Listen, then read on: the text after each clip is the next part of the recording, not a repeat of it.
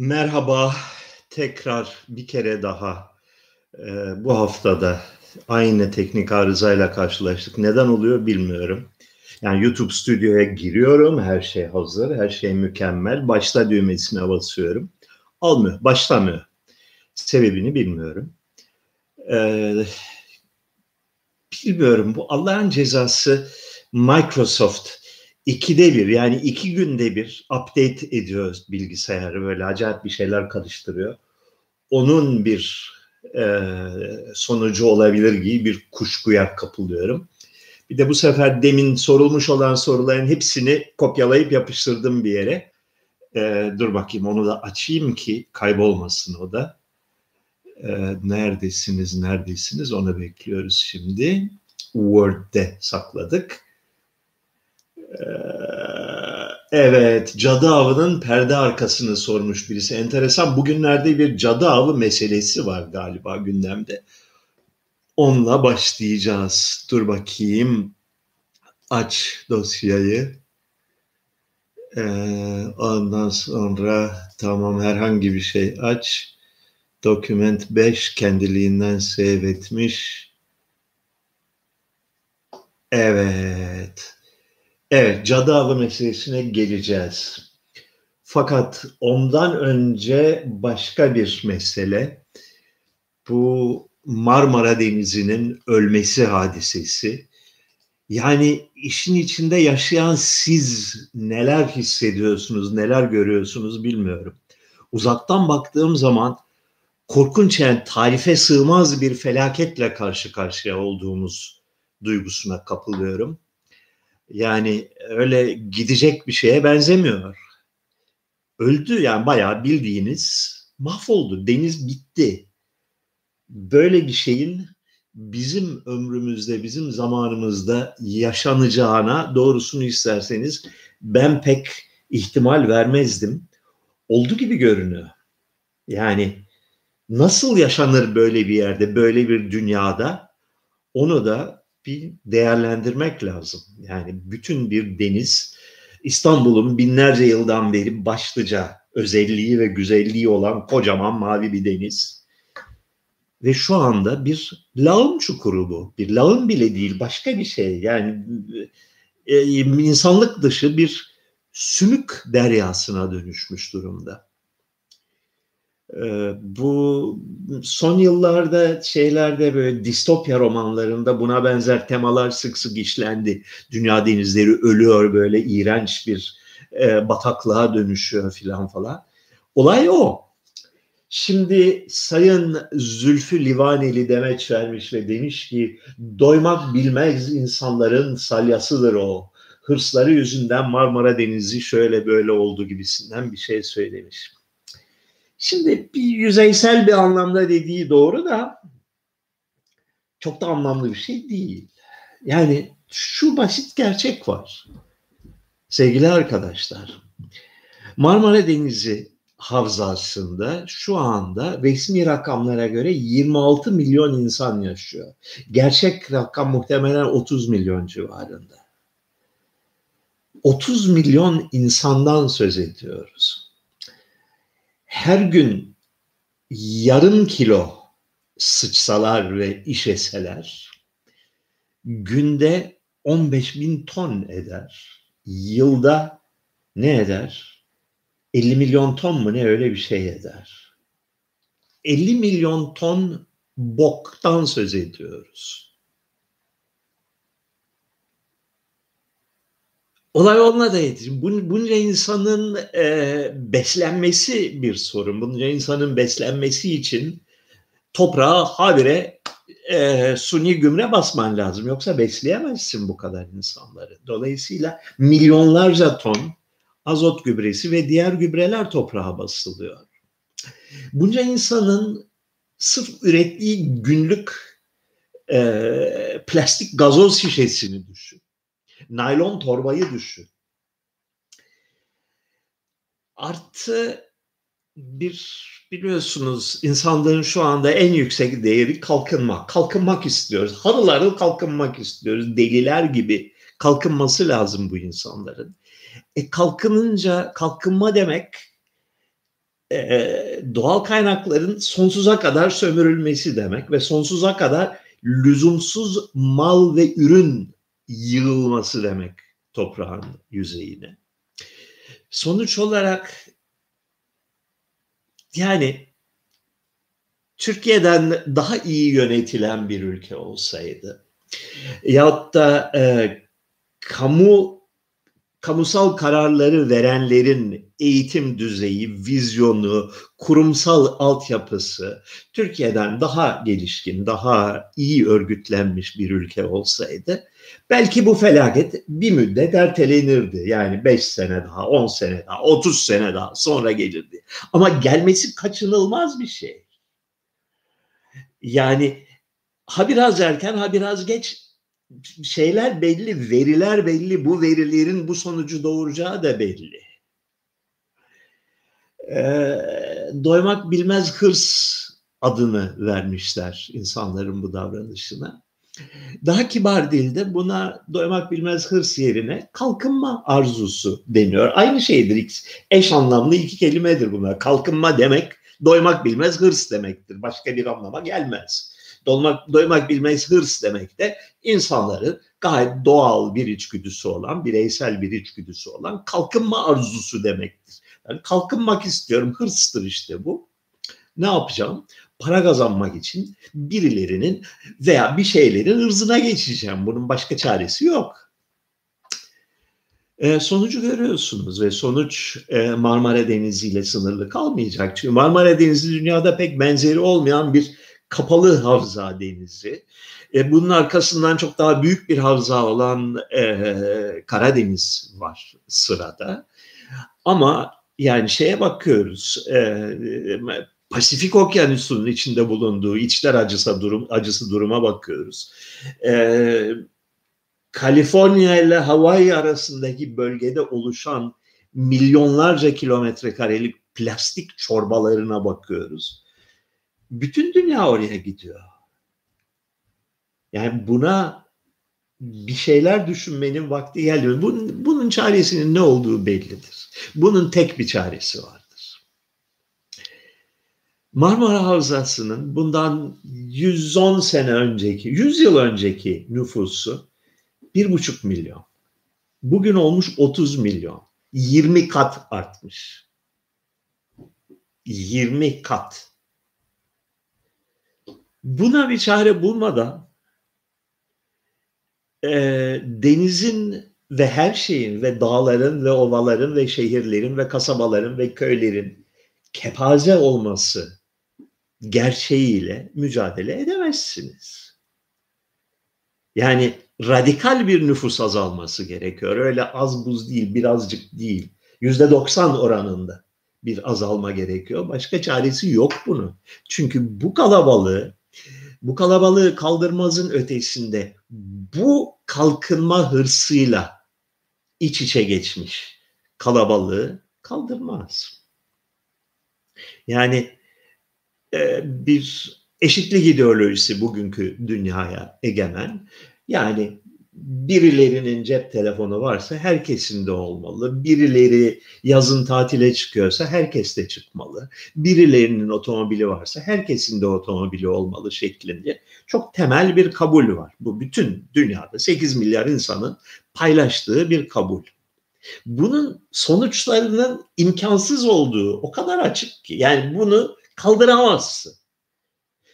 Ya insanların büyük çoğunluğunun e, arabası olmayacak, telefonu olmayacak, tatile çıkmayacaklar. Köle olarak devam edecekler. Yani bunlara denilecek ki kardeşim bundan sonra sizin buradan bulunduğunuz şehirden kıpırdamanız yasak. Şurada çalışacaksın sabahtan akşama kadar. Başka da sana maaş ödemeyeceğiz denilecek. Ki kalkınma hırsı belli ölçüde kontrol altına alınabilsin. Bu da gerçekçi değil. Bu da gerçekçi değil. Nereye kadar? Yani dünyadaki 8 milyar insanın hepsinin de otomobili, hepsinin de e, tüm teknik donanımı, e, full sağlık hizmeti ve e,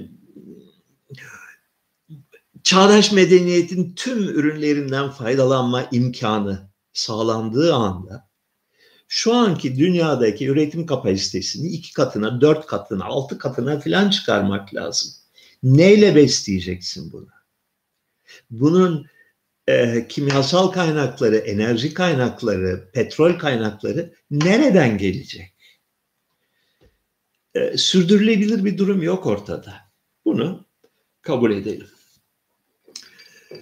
Cadı avı konusunda çok sevgili bir arkadaşımız yazmış. Cadı avı denilen şey kadınlara karşı açılmış bir savaştı esas itibariyle. Onları alçaltmayı, şeytanlaştırmayı ve toplumsal güçlerini ellerine almayı amaçlayan planlı bir girişimdi. Onlar yakılırken burjuva kadınlık idealleri ve eve bağlılık ilkeleri geliştirilmiş, kapitalist cinsellik öğretisi oluşturulmuştu. Kadın evdeki meleğe dönüştürülmüştü. Artık kısacası kadın eve, erkekse topluma aitti. Bugün bile istisnai durumları hariç tutacak olursak zihniyet anlamında çok şey değişmiş demek mümkün mü acaba diye sormuş sevgili Atilla Tuygan çok e, sevdiğimiz, fikirlerine değer verdiğimiz bir dostumuzdur. Fakat bu yorumunu pek inandırıcı bulmadığımı söylemek mecburiyetindeyim. Şimdi kime sorsam Türkiye'de hatta dünyada Orta Çağ'da cadıları yakarlardı diye bir şeyle karşılaşırız. Orta Çağ huyudur. Allah'tan Orta Çağ artık sona erdi.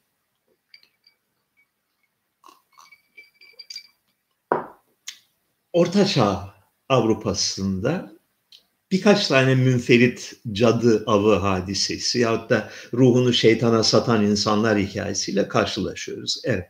Fakat e, alışılmış bir şey değil. Cadı avının bir kriz haline gelmesi, büyük bir toplumsal çılgınlık haline gelmesi 1484 ve 1486 yıllarına özgü iki olayın sonucu. 1484'te papalığın çıkardığı ve cadılığın dinden çıkma anlamına geleceğine dair bir ferman var. Bunun hemen arkasından 86'da Almanya'da Heinrich Kramer adlı bir adam Malleus Maleficarum, Maleficarum cadıların çekici isimli bir eser yayınlar ve bu matbaanın yayın ve icadından sonra tüm Avrupa'da bestseller haline gelen ilk önemli popüler eser olur.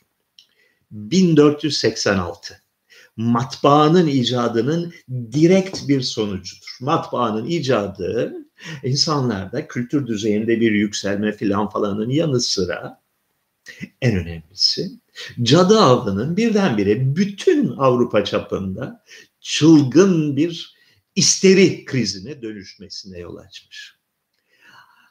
Aynen bugünkü internetin, sosyal medyanın çocukluk hastalıklarını düşünün. Yani daha önce bir insan bir kitap yazdığı zaman elle bunun çoğaltılması lazım. Yayılmıyor. Yani 30 kopya oluyor, 100 kopya oluyor ve çok pahalı bir şey. Şimdi adam zırvayı dayıyor, basıyor bin tane, yüz bin tane, on bin tane neyse. Bütün Avrupa'ya anında bir ay içinde yayılı veriyor. E, cadı avı meselesi tamamıyla modern çağın bir ürünüdür. 15. yüzyıl sonunda. Yani neredeyse Amerika'nın keşfiyle aynı günlerde ondan bir iki sene önce ortaya çıkmış. Onu izleyen 100 küsur yılda, 150 yıllık dönemde dönem dönem böyle alevlenen bir çılgınlık olarak Batı dünyasını sarmış. En son 1600'lerin başında 1630'lara kadar yine büyük bir e, delilik olarak e, ortalığı sarmış. Şimdi bunu e, şeyle bu kadınların eve kapatılmasıyla ya da kadınların böyle kadınlar çiçektir ideolojisiyle bir bağı var mı diye soruyoruz. Böyle bir bağ göremiyoruz. Şimdi e, yine bu konularda dehşetli ön yargılar ve yanlış bilgiler var piyasada. Orta çağda kadın imgesinin ya da kadının toplumdaki rolünün ne olduğunu görmek, anlamak için iki tane önemli eser vardır okumanız gereken. Bir Boccaccio'nun Decameron'u. Bu e, veba günlerinde bir şatoya kapanan gençlerin birbirine anlattığı yüz tane hikayeden oluşan bir derlemedir. Çok eğlenceli bir kitaptır. İkincisi e, Canterbury Tales. William Chaucer adlı İngiliz'in yine benzeri bir yapıda e, İspanya'ya hac yolculuğu için yola çıkmış 8-10 kişilik bir grubun bir handa bir akşam birbirine anlattıkları hikayelerden oluşan bir e, koleksiyondur. İkisi de şahane kitaplardır. Her ikisinde son derece spesifik bir kadın öyküsü, kadın imgesi vardır. Ön yargılıdır. E, çok olumlu değildir. Fakat şudur. Kadınlar, tüm kadınlar aşağı yukarı hepsi dehşetli bir şekilde şehvet düşkünüdür. Yani akılları, fikirleri, bütün şeyleri e, erkek bulmak. Erkek bulamazsa başka kadın bulmak. Her halükarda sevişmek arzusuyla dolup taşarlar. Bu uğurda durmadan aralıksız entrika çevirirler. Acayip derecede şeytan gibi entrikacıdırlar. Her şeyi yaparlar. En ufak bir ahlaki pusulaları yoktur. Ee, iktidar hırsıyla doludurlar. Manipüle ederler erkekleri ve genellikle erkeklerden daha zekidirler. Bu tipik. Her iki öykünde de tipik kadın e, tablosu budur. Enteresandır. Aynı dönemin İslam literatüründe de kadın imgesi budur. Yani hiç öyle başörtülü bacımız hikayesi yoktur İslam şeyinde. Ee, yani Binbir Gece masallarından başla diğer 13. yüzyılın, 14. yüzyılın İslami öykü derlemelerine bak hep böyledir. Kadınların temel özelliği, vazgeçilmez e, karakteristiği şehvettir. Şehvet arzusu, şehvet düşkünlüğü. İkincisi entrikacılık, üçüncüsü zeka, hırs, iktidar hırsı. Şimdi cadı avı meselesinin 1480'den 1630'lara kadar sürdüğünü söyledik. E, bu dönemin literatürüne bakıyoruz. Orta Çağ'ınkinden çok da farkını göremiyoruz kadın şeyi meselesinde. 16. yüzyılın Fransa'nın büyük yazarı Rabelais, Rabelais'in e, öykülerine bakıyoruz. 18. yüzyıl İngiliz romancıları vardır. E, başta tabii Jonathan Swift. Jonathan Swift'in Moll Flanders diye bir romanı vardır. E, okumaya değer bir kitaptır. Moll Flanders'ın hayat öyküsünü anlatır. Flanders bir kadındır. Esas mesleği hırsızlıktır ve fakat daha önemlisi koca avcısıdır. E, 8 defa mı 10 defa mı ne hatırlamıyorum evlenir. Her biriyle acayip acayip maceralar yaşar kocalarını ve sevgililerini sömürür. Ee, kesinlikle bütün erkeklerden daha zekidir, daha kurnazdır. Böyle bir öykü. Ee, şeyin Tom Jones hikayesi vardır Henry Fielding'in. O da ilk İngiliz romanlarından biri sayılır. Tom Jones bir zamparadır ve hayatı boyunca çeşitli e, sayısız kadınla yaşadığı maceraları anlatır.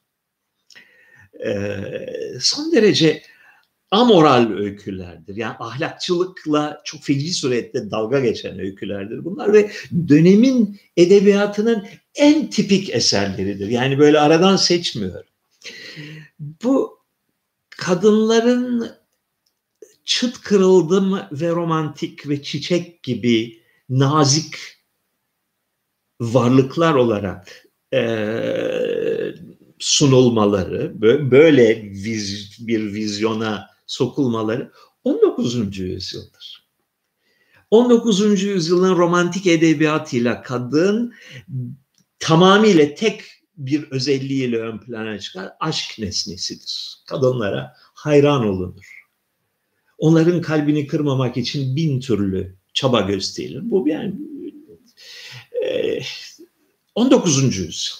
1810'lar, 1820'ler 19. yüzyıl ortalarından itibaren 1850'lere geldiğinde bu aynı zamanda bir sosyal bir doku kazanır. Yani kadının ahlaki olarak e, sadece aile ile tanımlanması, ailenin e, dokunulmazlığı, ailenin bozulmazlığı, boşanmanın en büyük felaket ve büyük bir ahlaki kriz olarak yaşanması tipik 19. yüzyıl e, tezahürleridir.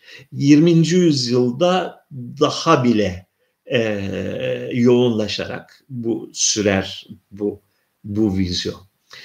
E, günümüzde bu modern dönemin yani 19 ve 20. yüzyılın ürünü olan e, cinsler anlayışı e, sarsılıyor mu, değişiyor mu? Onu daha biraz daha bekleyip görmek lazım.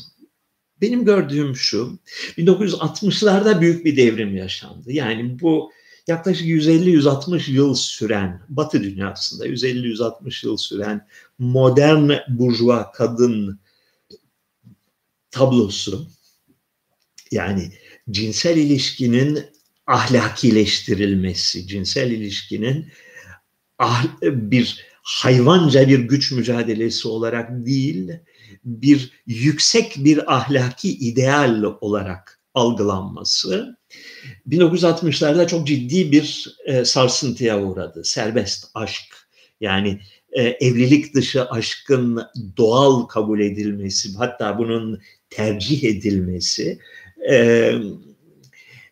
e, sadakatsizlik e, eşi kandırma öykülerinin popüler edebiyatın en yaygın konularından biri haline gelmesi 1960'ların ürünüydü.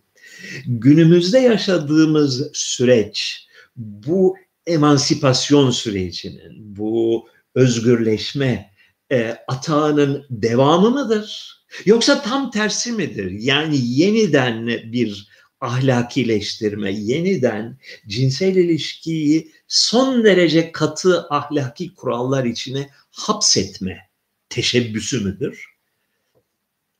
Bu konuda benim bazı fikirlerim var fakat e, haklı olup olmadığımı ancak zaman gösterecek.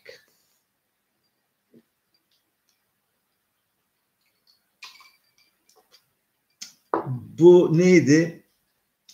Neydi adamın adı? E, Cumhuriyet Halk Partisi'nin Muharrem İnce. Muharrem Bey e, boyundan büyük bir söz etmiş Kürtçe eğitimin e, pedagojik açıdan uygun olmadığını beyan etmiş. Üstüne vazifeymiş gibi. E, bunun üzerine tabii bütün sol ve Kürtçü ve özgürlükçü çevrelerden büyük bir feryat ve isyan duygusu e, çıktı. Nasıl nece cüretle böyle bir şey der diye. Bana soruyorlar ki e, Kürtçe eğitim hocam pedagojik açıdan sakıncalı mıdır diye sormuş bir arkadaşım. Düşündüm biraz. Doğruluk payı var.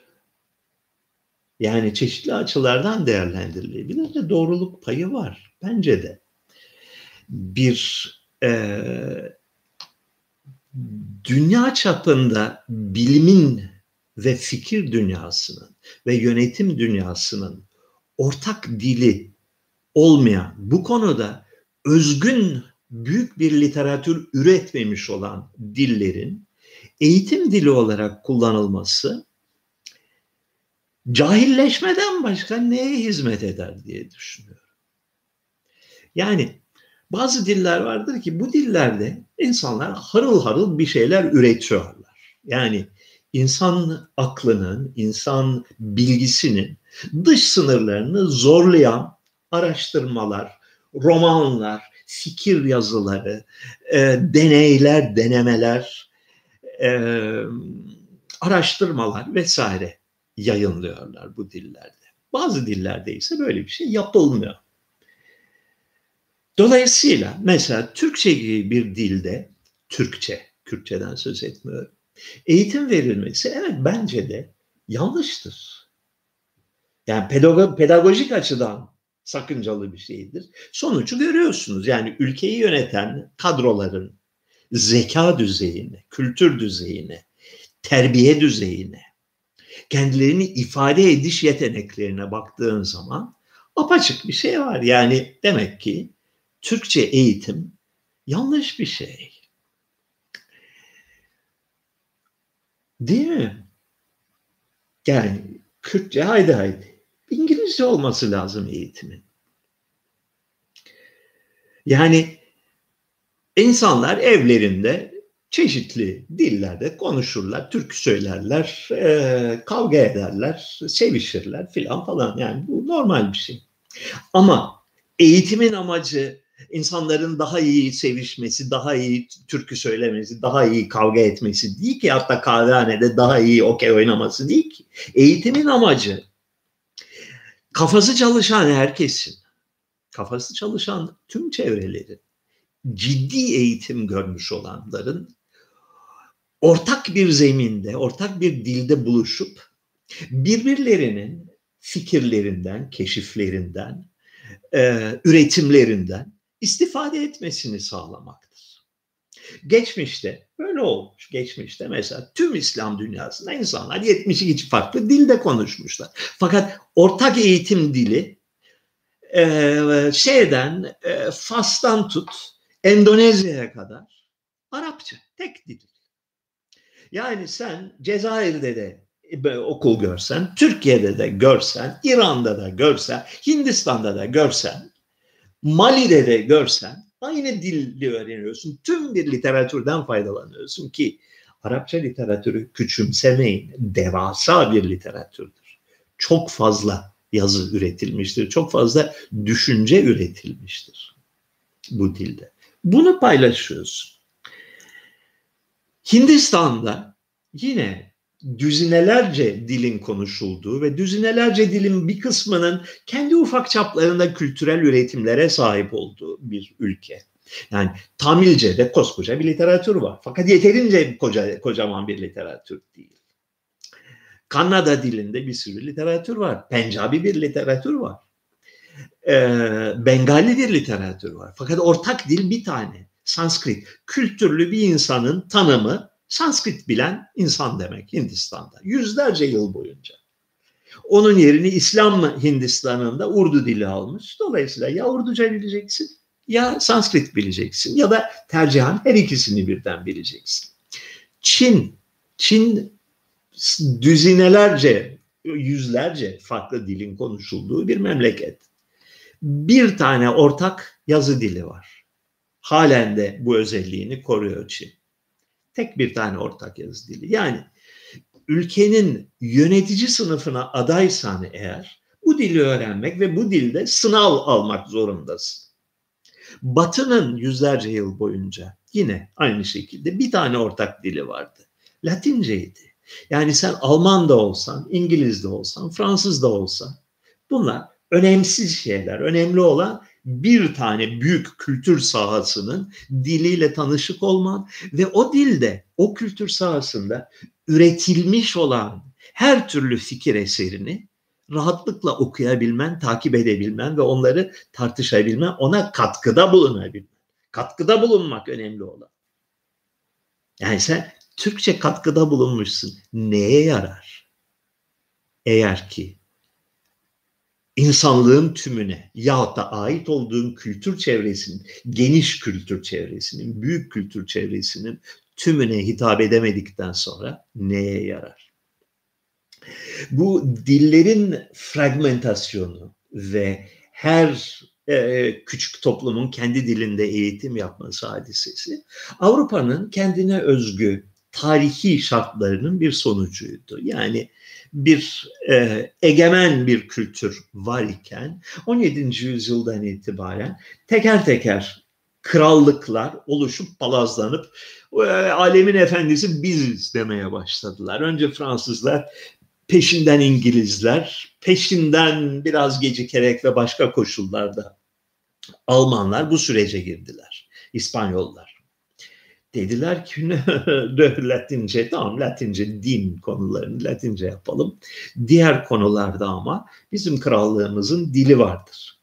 Şimdi unutmayın ki bunların her biri de dünya egemenliğine oynayan büyük, güçlü ve dehşetli miktarda e, fikir ve bilim ve sanat eseri üreten e, ülkelerdi. Yani çok da fazla bir daralma olmadı İngiliz şey Latince yerine e, İngilizce konuşmaya başladığında, yazmaya başladığında. Konuşmayı yanlış söyledim. İngilizce yazmaya başladığında. Ama tabii Almanlar ve e, Fransızlar yapıyorsa İtalyanlar niye yapmasın dediler. İtalyanlar olunca e Macarlar dediler. Macarlar olunca e, peki ya yapılan Polonyalılar ne olacak dediler. Derken Estonlar, Mestonlar derken ne kadar dünyada lüzumsuz millet varsa hepsi de kendi dilinde eğitim vermeyi marifet saymaya başladı. Bu prensip olarak yanlış bir şey gibi geliyor bana.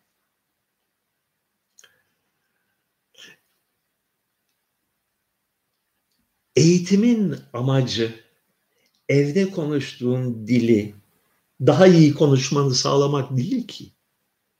Eğitimin amacı başka bir şey. Eğitimin amacı daha yüksek bir seviye yani ev içiyle alakası olmayan başka bir seviyede ülkeler yönetmek ve insanlığa yön vermek işiyle uğraştığın bir sahada e, fikirlerini paylaşabilmek, başkalarının ne dediğini anlamak, onlara derdini anlatabilmek. Amaç bu olduğu zaman evet yani uyduruk dillerle eğitim yanlış gelmeye başlıyor.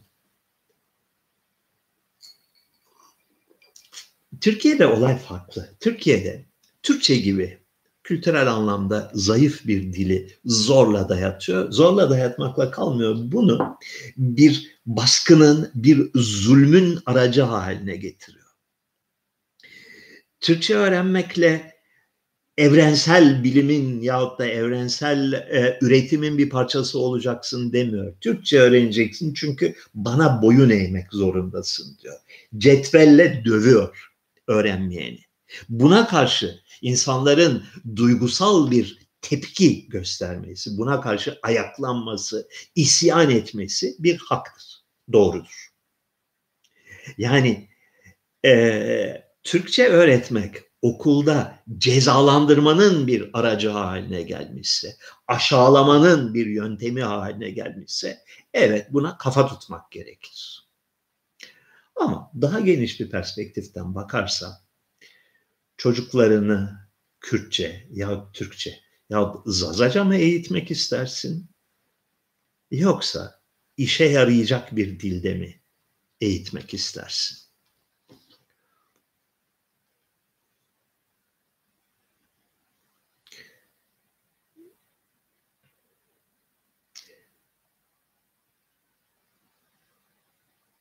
Başka bir arkadaş dur bakayım neredeydi o soru? Ee, bir dakika bir dakika bir dakika şuraya not almıştım. Kelimenin aslı cami midir, camii midir? Yani neden Hacı Hüseyin Camii diyoruz yoksa camisi mi demeliyiz? Şunu Bilal'e anlatır gibi bir anlatsanız hocam demiş bir arkadaş. Bu konuda şeyde Elif'in öküzünde olsun, kelime baz yazılarında olsun birkaç defa e, derdi anlatmaya çalışmıştım. Bir daha düşünelim. Şöyle bir problem var. Bu problem şeyde, e, Arapçadan Türkçe'ye gelen kelimelerde. Arapçada ayn diye bir ses var. Bu alelade bir ünsüz yani bir e, konsonant böyle Türkçe'de karşılığı olmayan bir ses. Türkçe'de telaffuzu bile imkansız olan bir ses. Böyle a diye bir ses. Böyle gırtlağın derininden çıkan cırt diye bir ses.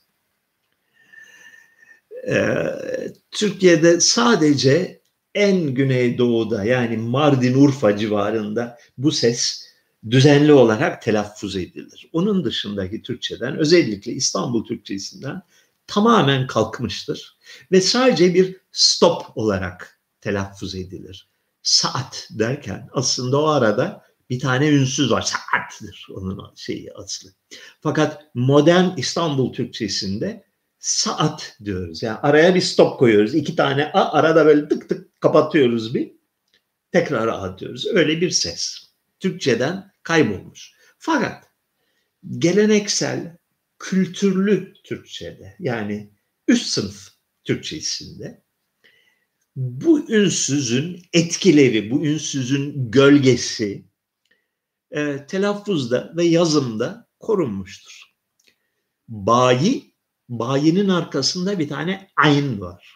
Bayi o yüzden. Çünkü arada şey gibi düşün bunu. Sanki bir yumuşak G varmış arada gibi düşün. Bayi gibi düşün o kelimeyi. E ne olur? Bayi bayi. Cami cani. İçtima içtimaı. İrtica irticaı. Menba menbaı merci, merci'i, meta, mevki, mevkii, mısra, mısraı, rücu etmekten rücu'u, şuyu, şuyu nedir biliyorsunuz? İzale-i şuyu vardır hukukta. Bir de şuyu demek dağılma demek, yayılma demek. Şuyu vukuundan beter.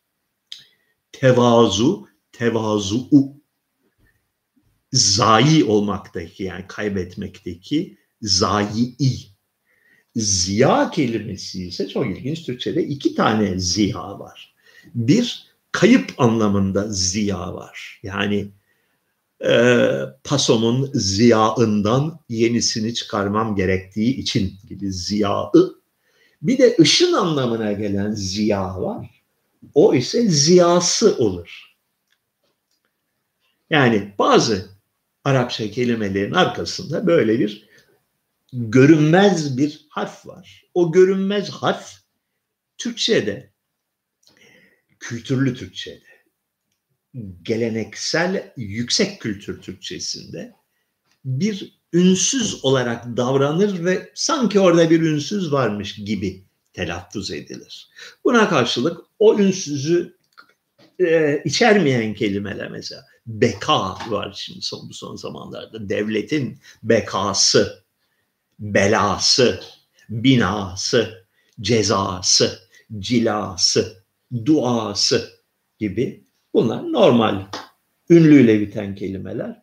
O yüzden Türkçe genel teamüle göre, genel kurala göre araya bir se harfi alırlar ek aldıkları zaman. İki tane kelimede sık yanlış yapıldığını görüyorum. Bir İnşa, inşağı olmaz, inşası olur.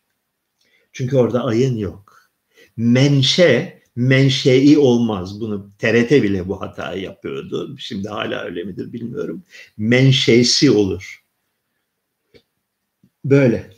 Ziya da demin dediğim gibi bir kayıp anlamında ziya, ziyaı, ışık anlamında ziya, ziyası.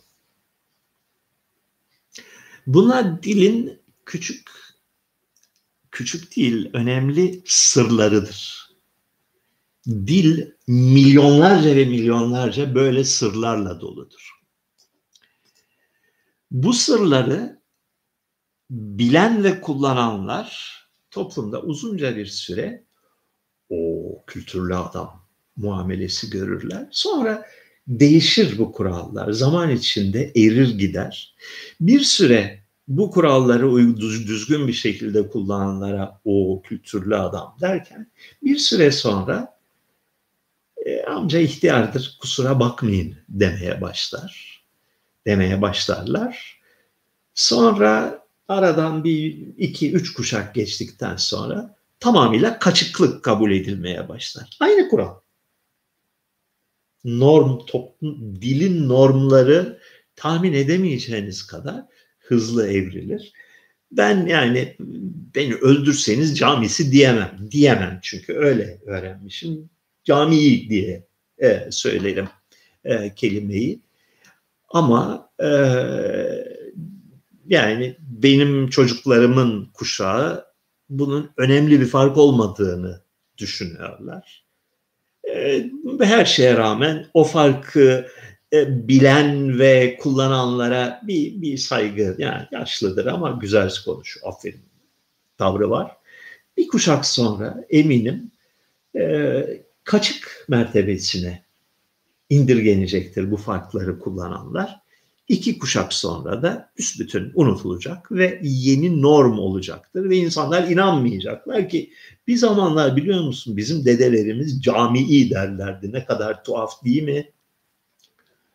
Başka. Şimdi demin e, devam ettiremediğimiz programda e, uu, hay Allah bir sürü soru sorulmuştu. Ee, ve o soruları ben kopyalayıp bir kağıda yapıştırdım, bir sayfaya yapıştırdım ama onu save etmeyi ihmal etmişim. Dolayısıyla kaybolmuş. Ee, birinci soru şeydi. Hocam üçüncü Richard hakkında ne düşünüyorsunuz sorusuydu. Her nereden çıktıysa. Üçüncü Richard hakkında Shakespeare ne diyorsa onu düşünüyorum. Başka da bir bilgim yok. Çok kötü. Yani İngiliz tarihinin en gaddar, en entrikacı ve en kötü e, kralı olarak geçer. E, Shakespeare'in 3. Richard'ının açılış monologu Now is the winter of our discontent filan falan diye başlayan İngiliz dilinin büyük şaheserlerinden biridir. Şahane bir e, tirattır. E,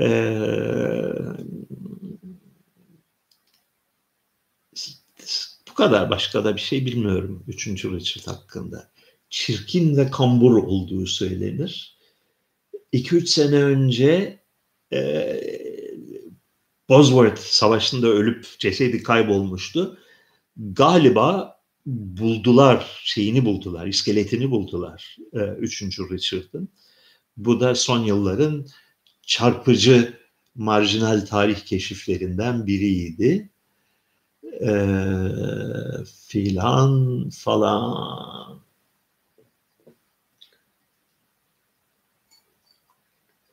Hocam demiş birisi, çağımızın egemen ideolojileri hangileri olacak?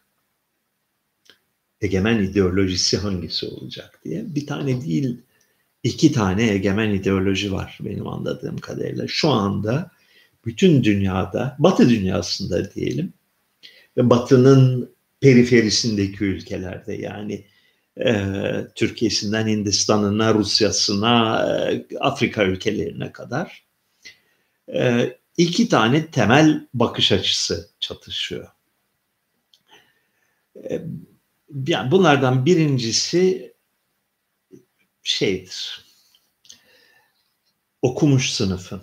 Yani son 30-40 yılın egemen batılı ideolojileri çerçevesinde eğitim görmüş olan sınıfın sınıfların ideolojisidir ki çeşitli kisveler altında da olsa hep aynı şeyi söylüyor. Ee, özetle diyor ki Ay çomarlar çok cahil. Ahlaksızlar da üstelik ve pisler. Onlar yüzünden onların pisliği bize de bulaşacak. Aman çok değiliz. Hepsi de ırkçı. Ee, yahut İslamcı.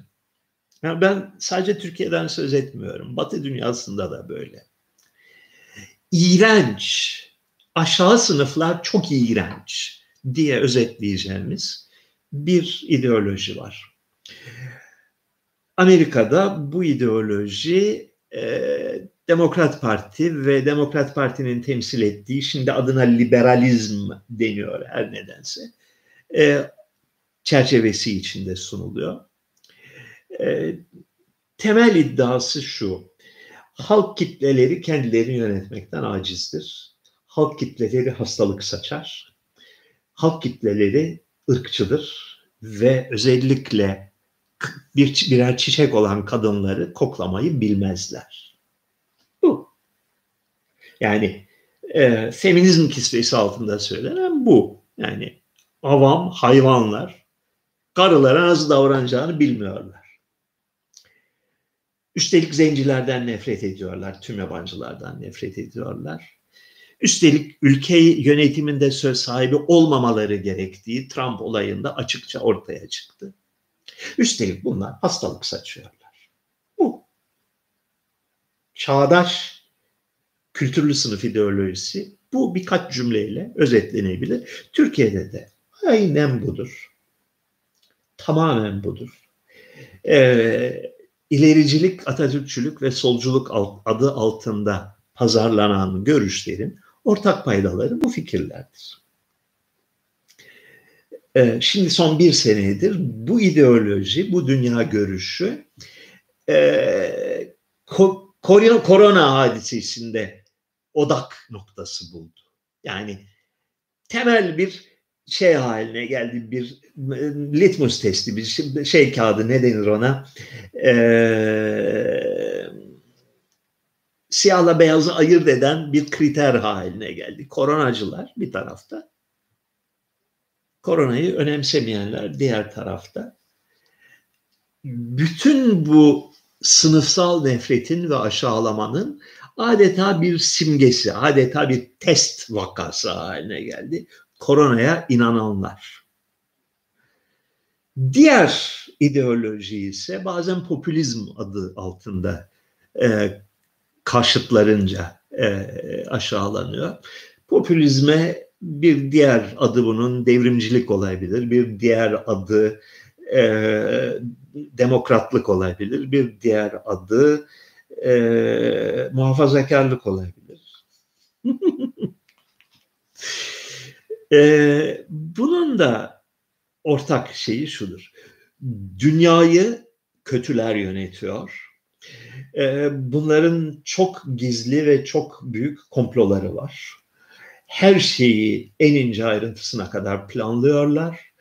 Bunlarla başa çıkmak imkansız Bunların arkasında büyük sermaye var, Yahudiler var, solcular var, e, eşcinseller var, Netflix var, işte Rothschild var, Bill Gates var. Hepsinin arkasında gizli güçler var. Ee, bu genç, bu güçler hain amaçları için bizi manipüle ediyorlar diye e, özetlenebilecek bir yenilgi ideolojisi. Bizden daha güçlüler diye adlandırılacak bir ideoloji. Bu iki ideoloji dünyanın tüm ülkelerinde Almanya'da, Fransa'da, e, Güney Avrupa ülkelerinde, Türkiye'de, e, Amerika'da, Hindistan'da bunların hepsinde şu anda büyük bir çatışma içindeler. Ee, birinci grup kendi gücünden fazlasıyla emin. Yani dünyayı elbette Silicon Valley yönetecek. Güç bizde, silah bizde, örgütlülük bizde, eğitim bizde, para bizde diyorlar. Dünyanın geleceği bizim elimizdedir. Bakın Mars'a da şey gönderiyoruz, koloni gönderiyoruz. Zaten e, yapay zeka her şeyi yönetecek. Zaten örgütümüz kusursuzdur ve bu örgütün dışına çıkmaya imkan yoktur diye e, özetlenecek bir özgüven patlaması içinde. Buna karşılık ikinci grup dişlerini gıcırdatmakla yetişiyor, yetiniyor şu aşamada. Ufak ufak patlama belirtileri gösteriyor sağda solda. Fakat bu patlama belirtilerinin henüz nereye varacağına dair bir e, belirti yok. Literatürü okursan ve insan aklı başında insanlarla tartışırsan kaçınılmaz görünüyor. Birinci grup galip. Açık farkla galip. Yani 8-0 galip tarih hakkında birazcık hissiyatın varsa yani tarihte nelerin hangi sürprizlerin gerçekleştiği uzun sürede kimin kimlerin galip geldiği hakkında biraz bilgin varsa maçın sonucunun o kadar net olmadığını idrak ediyoruz. Uzun vadede barbarlar kazanır. Bunu unutmayın. Çünkü onların kaybedecek şeyi yok Kaybedecek bir şeyi olmayanlar kazanır maçı. Kaybedecek çok şeyi olanlar ve bunları kaybetmemek için isterik bir e, şey içinde olan, heyecan içinde olanlar sonuçta her şeyi kaybederler. Evinin kapısını sekiz defa kilitleyen insanlar en çok soyguna uğrayanlardır. Onların evi önce soyulur. Aman temiz olalım, aman her şeye çok dikkat edelim, tüm kurallara uyalım, eksperlerin görüşlerine önem verelim diyenler zayıf olanlardır. Ee, düzen korunabildiği sürece onlar egemendir. Düzen patladığı zaman, ortam ısınmaya başladığı zaman onların gücü dezavantaj haline gelir. Onların gücü birer zaaf haline gelir. Çünkü çok kaybedecek şeyi olanlar ve onları kaybetmek korkusuyla yaşayanlar karşısında kaybedecek bir şeyi kalmamış olan kitlelerin ve kalabalıkların gücü küçümsenecek bir güç değildir. Tamam. Tamam. Dur bakalım. Hayat boyu sigortasız yaşamak nasıl bir duygu? Memur çocuğuyum. Aslanlı yol beni çok etkiledi. Bazen düşünüyorum çantamı alıp bir yerlere gitsem ne ile geçineceğim? Siz bu psikolojiyi nasıl aştınız? Güzel bir soru. Hayat boyu sigortasız yaşadım. Hala da öyleyim. Yani hayatımda hiçbir zaman sağlık sigortam olmadı yangın sigortası, deprem sigortası, otel sahibi olduğum dönemde zorla, devletin zoruyla bir takım sigortalar yapmak zorunda kaldık ama hiçbir zaman e, hoşuma gitmedi. E, genellikle arabamı da elimden geldiğince sigortalamıyorum. Kaskom falan da yoktur. İnanmıyorum sigortaya. Bu bir. İkincisi yani beni tanıyan herkes bilir. E, Evimin kapısı hiçbir zaman kilitli değildir. Kilitlemem. Çıkıp gittiğim zaman da yani bir ay çıkıp gitsem bile hiç umurumda bile değildir. Arabamı kilitlemem. Bunun e, bilmiyorum ama çok iyi bir yaklaşım olduğunu düşünüyorum. Bunu yapabilmek lazım. Bu büyük bir disiplindir. Büyük bir özgürlüktür. Büyük bir özgüvendir. Mal canın yongası değildir anlamına gelen bir tavırdır.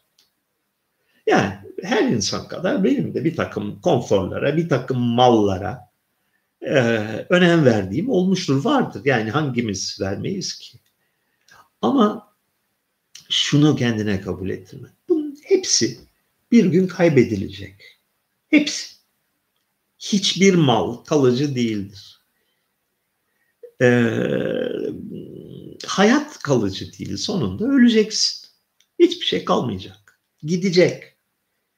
Ha şimdi gitmiş ha sonra gitmiş ne fark eder? Bu bir e, kendini disipline etme yöntemidir. Doğrusunu isterseniz bugüne kadar hiçbir şikayetim olmadı bunda. E, size de tavsiye ederim cesaret ister. Özgüven ister.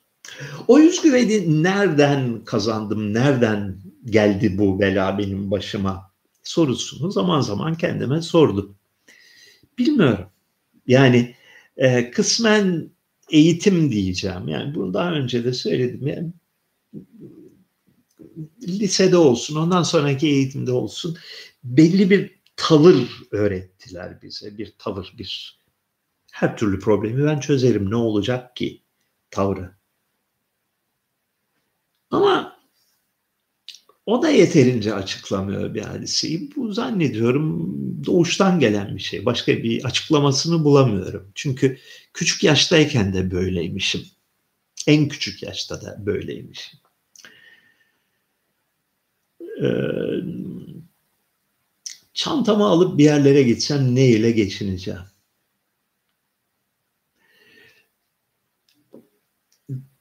Dünyada düzgün işler yapmış olan insanların hemen hemen hepsi, hepsi yaşamlarının bir aşamasında çantalarını alıp gitmişler. Sıfır böyle bir sırt çantasıyla çıkmış Amerika'ya göçmüş adam. Çıkmış Arjantin'e göçmüş. Çıkmış Sibirya'ya gitmiş. Ve hayatını sıfırdan başlatmış. Bu insanlar çok sağlam oluyorlar. Bu insanlardan iş çıkıyor. Öte yandan şu da bir gerçek ki bugünün dünyası, bugünün dünyası bu ihtimali önlemek üzerine kurulu. Yani korkunç bir bürokratik kabuğun içine sığmayan insanlar yani e, sabıka kaydı, sağlık sigortası, pasaportu, vizesi bilmem nesi hepsi birden banka hesabı, son 20 senelik kredi e, öyküsü e, kusursuz olmayan yani bürokrasinin talep ettiği normlara ve standartlara uygun olmayan insanların bugünün dünyasında başarı şansları çok kısıtlı. Dehşetli derecede totaliter bir dünyada bir bürokratik zulüm çemberi içinde yaşıyoruz. Yani çık git diyeceksin gidemiyorsun ki vize alman lazım. PCR testi göstermen lazım. Siktiri boktan iki kuruş etmez bir tane polis memuru seni sınırdan geri çevirebiliyor. Buna karşı isyan etmek lazım. Buna karşı büyük isyan etmek lazım. O polislerin ölmesi lazım. O vize memurlarının ölmesi lazım. Başka türlü bu, bu dert anlatılamaz. Ha düşünüyorsun yine baştaki konuya dönüyoruz. Nüfusun bu kadar arttığı, yaşam sahasının bu derece kısıtlandığı bir dünyada başka nasıl bir yönetim sistemi kurulabilir? Eğer sınırları açarsan dünya nüfusunun yarısı Avrupa'yı yağmalamak üzere Avrupa kıtasına akacaksa e ne yapsın adamlar? Çıkmaz bir hadise.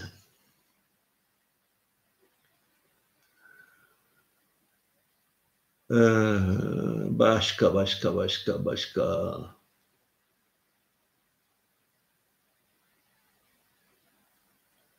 Hocam Antakyalı Arap dilli Ortodoksların demografik yapısını değiştiren olaylar nelerdir?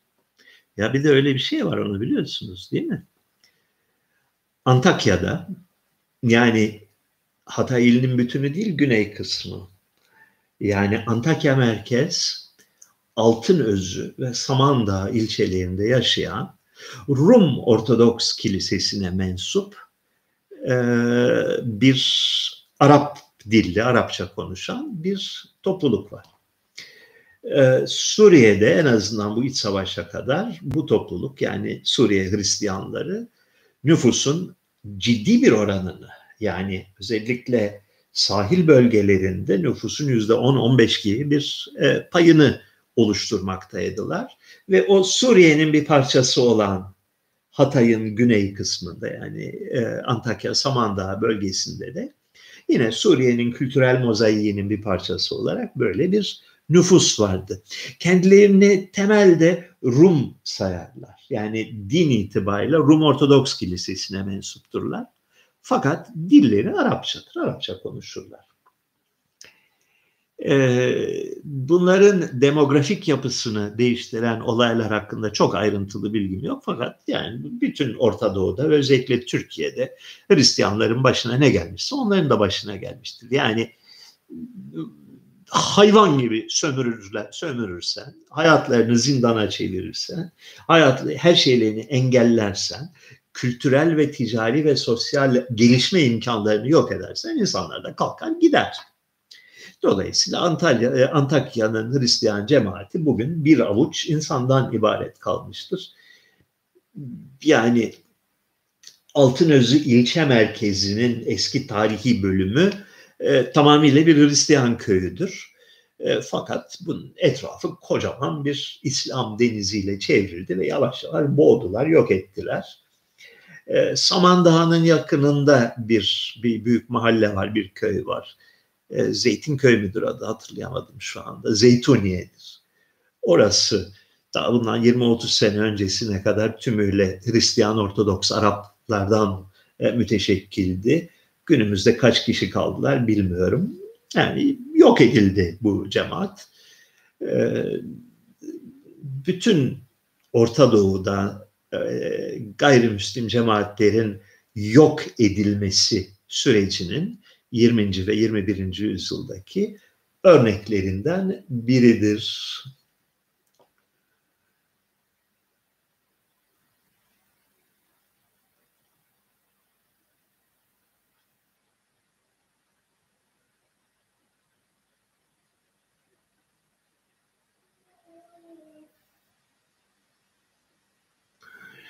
Osman Kavala'nın Sedat Peker'le ilişkileri olabileceğini düşünür müsünüz demiş. İngilizce sormuş soruyu. Peker claimed he had worked for him and received seed funding. He had worked for me anlayamadım. Who worked for him whom? Yani e, Peker mi Osman Kavala'ya çalıştı? Kavala mı Sedat Peker'e çalıştı? E, bunlar e, kuvvetli delilleri olmadan dedikodu düzeyinde söylenmesi ayıp olan şeylerdir. E, bence e, çok lüzumsuz bir spekülasyon olmuş bu. Yani şundan yani iki tane temel gerçeği yan yana koyalım söyleyelim. Birincisi yani Osman Kavala Türkiye'de olabilecek kadar Türkiye koşullarında mümkün olan en temiz insanlardan biridir. Hatta saftır. Saf, bayağı bildiğin saf. Ee, o yüzden ihtimal vermiyorum. Diğer yandan şu da bir gerçek. Burası pis bir memleket.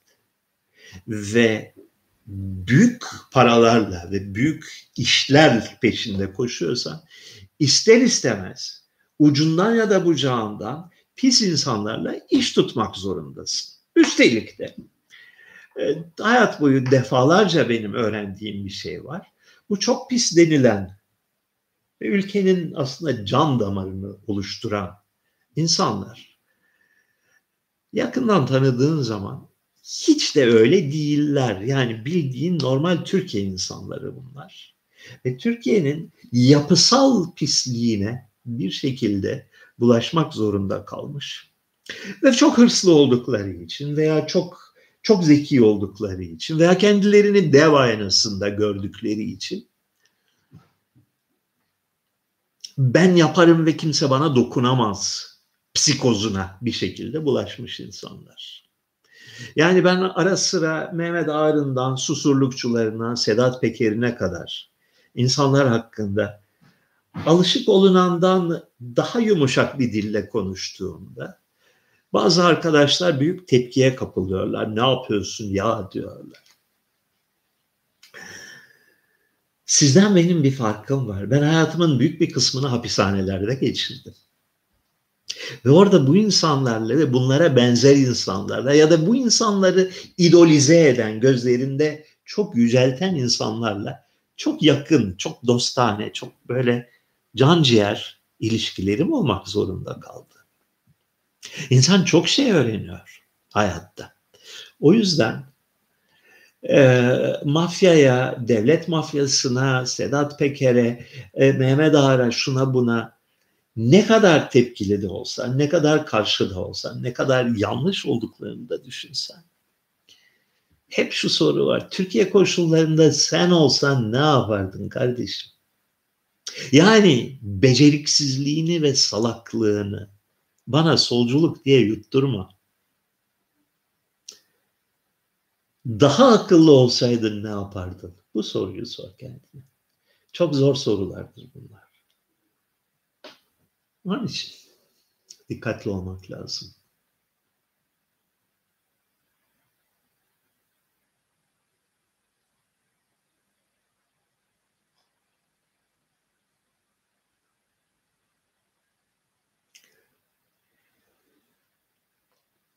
Hmm.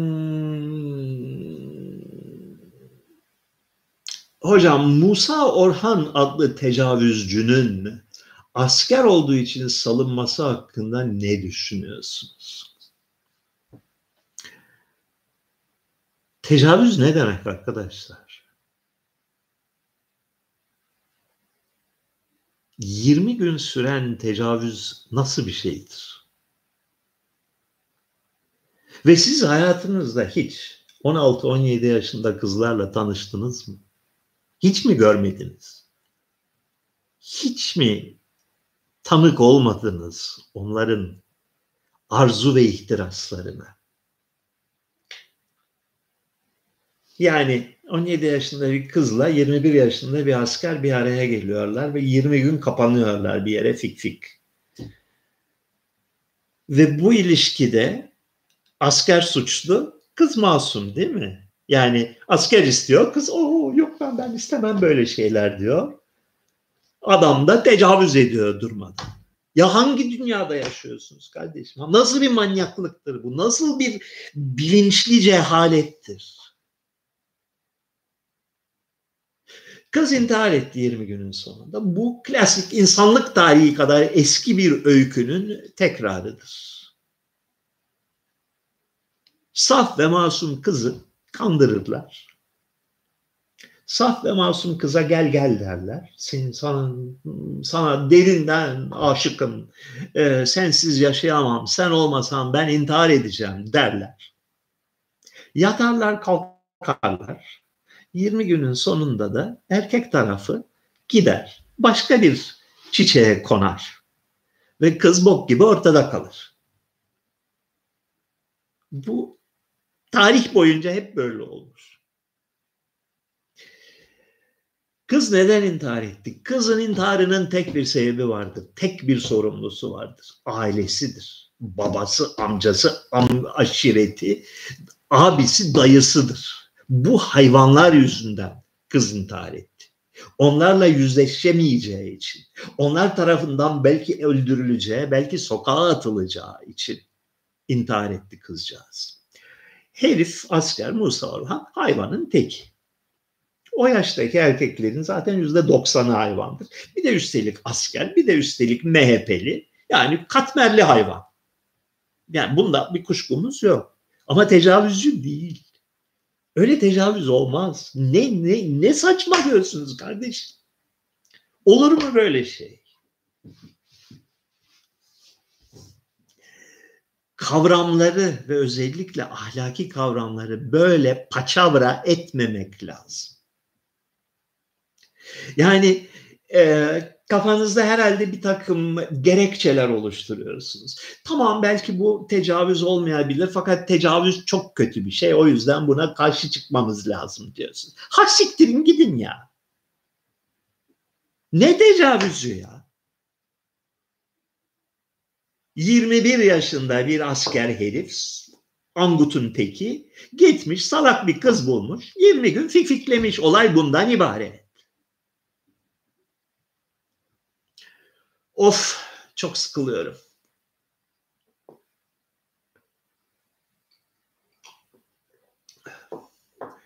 Böyle bakıyorum bakıyorum Kürtler Aleviler Zazalar Kürtler Aleviler Zazalar Zazalar Kürtler Aleviler Zazalar Ermeniler Ermeniler Ermeniler Zazalar. Çok sıkılıyorum artık bu sorulardan. Vallahi çok sıkılıyorum bu zazalar bu sorulardan. Başka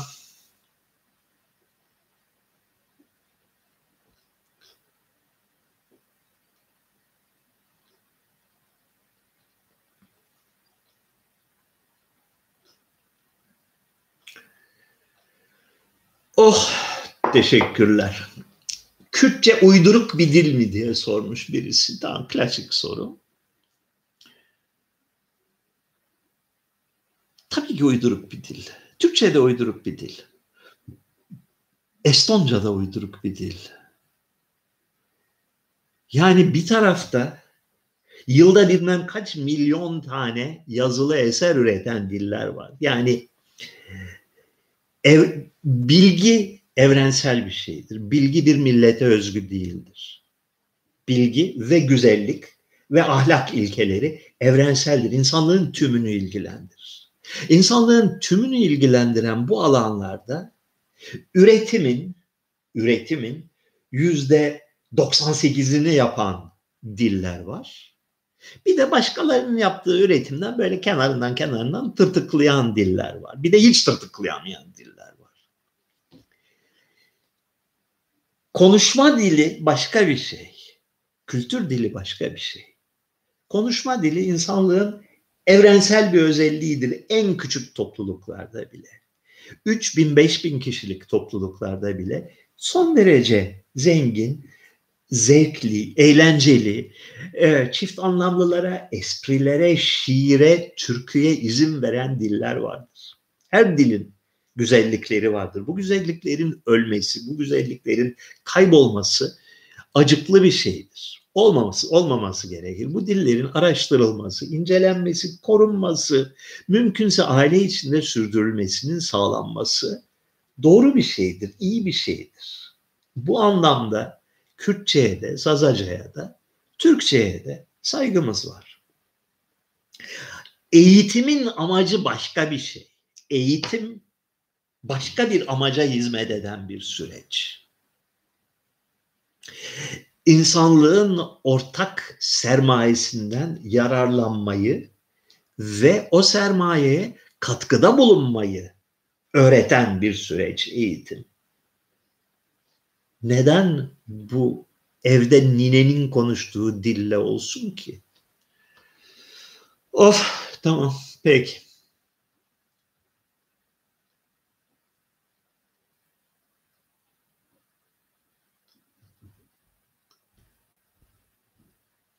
Hocam viski markası öneriniz var mı? Glenfiddich çok iyi.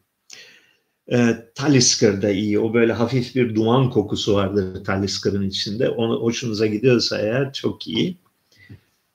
Yani sonunda viski viskidir yani çok da öyle büyük bir uçurum yok aralarında. Onu da söyleyelim ve bu noktada kapatalım.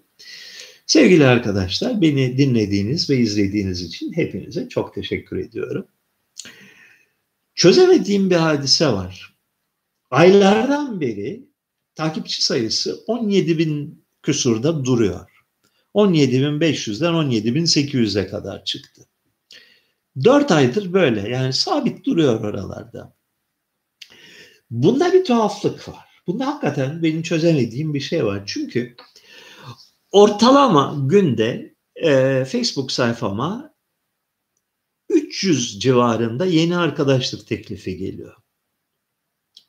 Yani böyle birkaç gün bakmasam bir bakıyorum bin tane birikmiş. Bin tane.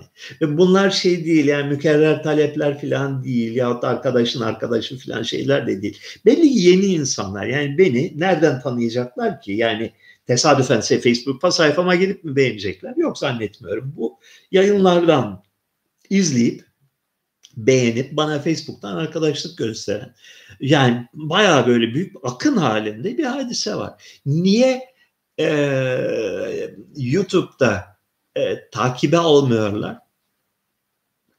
Hiçbir şey anlamıyorum ben bu konularda. Dur bakalım neyse. Hadi bakalım. 1 saat 13 dakika. Hepinize iyi akşamlar diliyorum. Görüşmek üzere.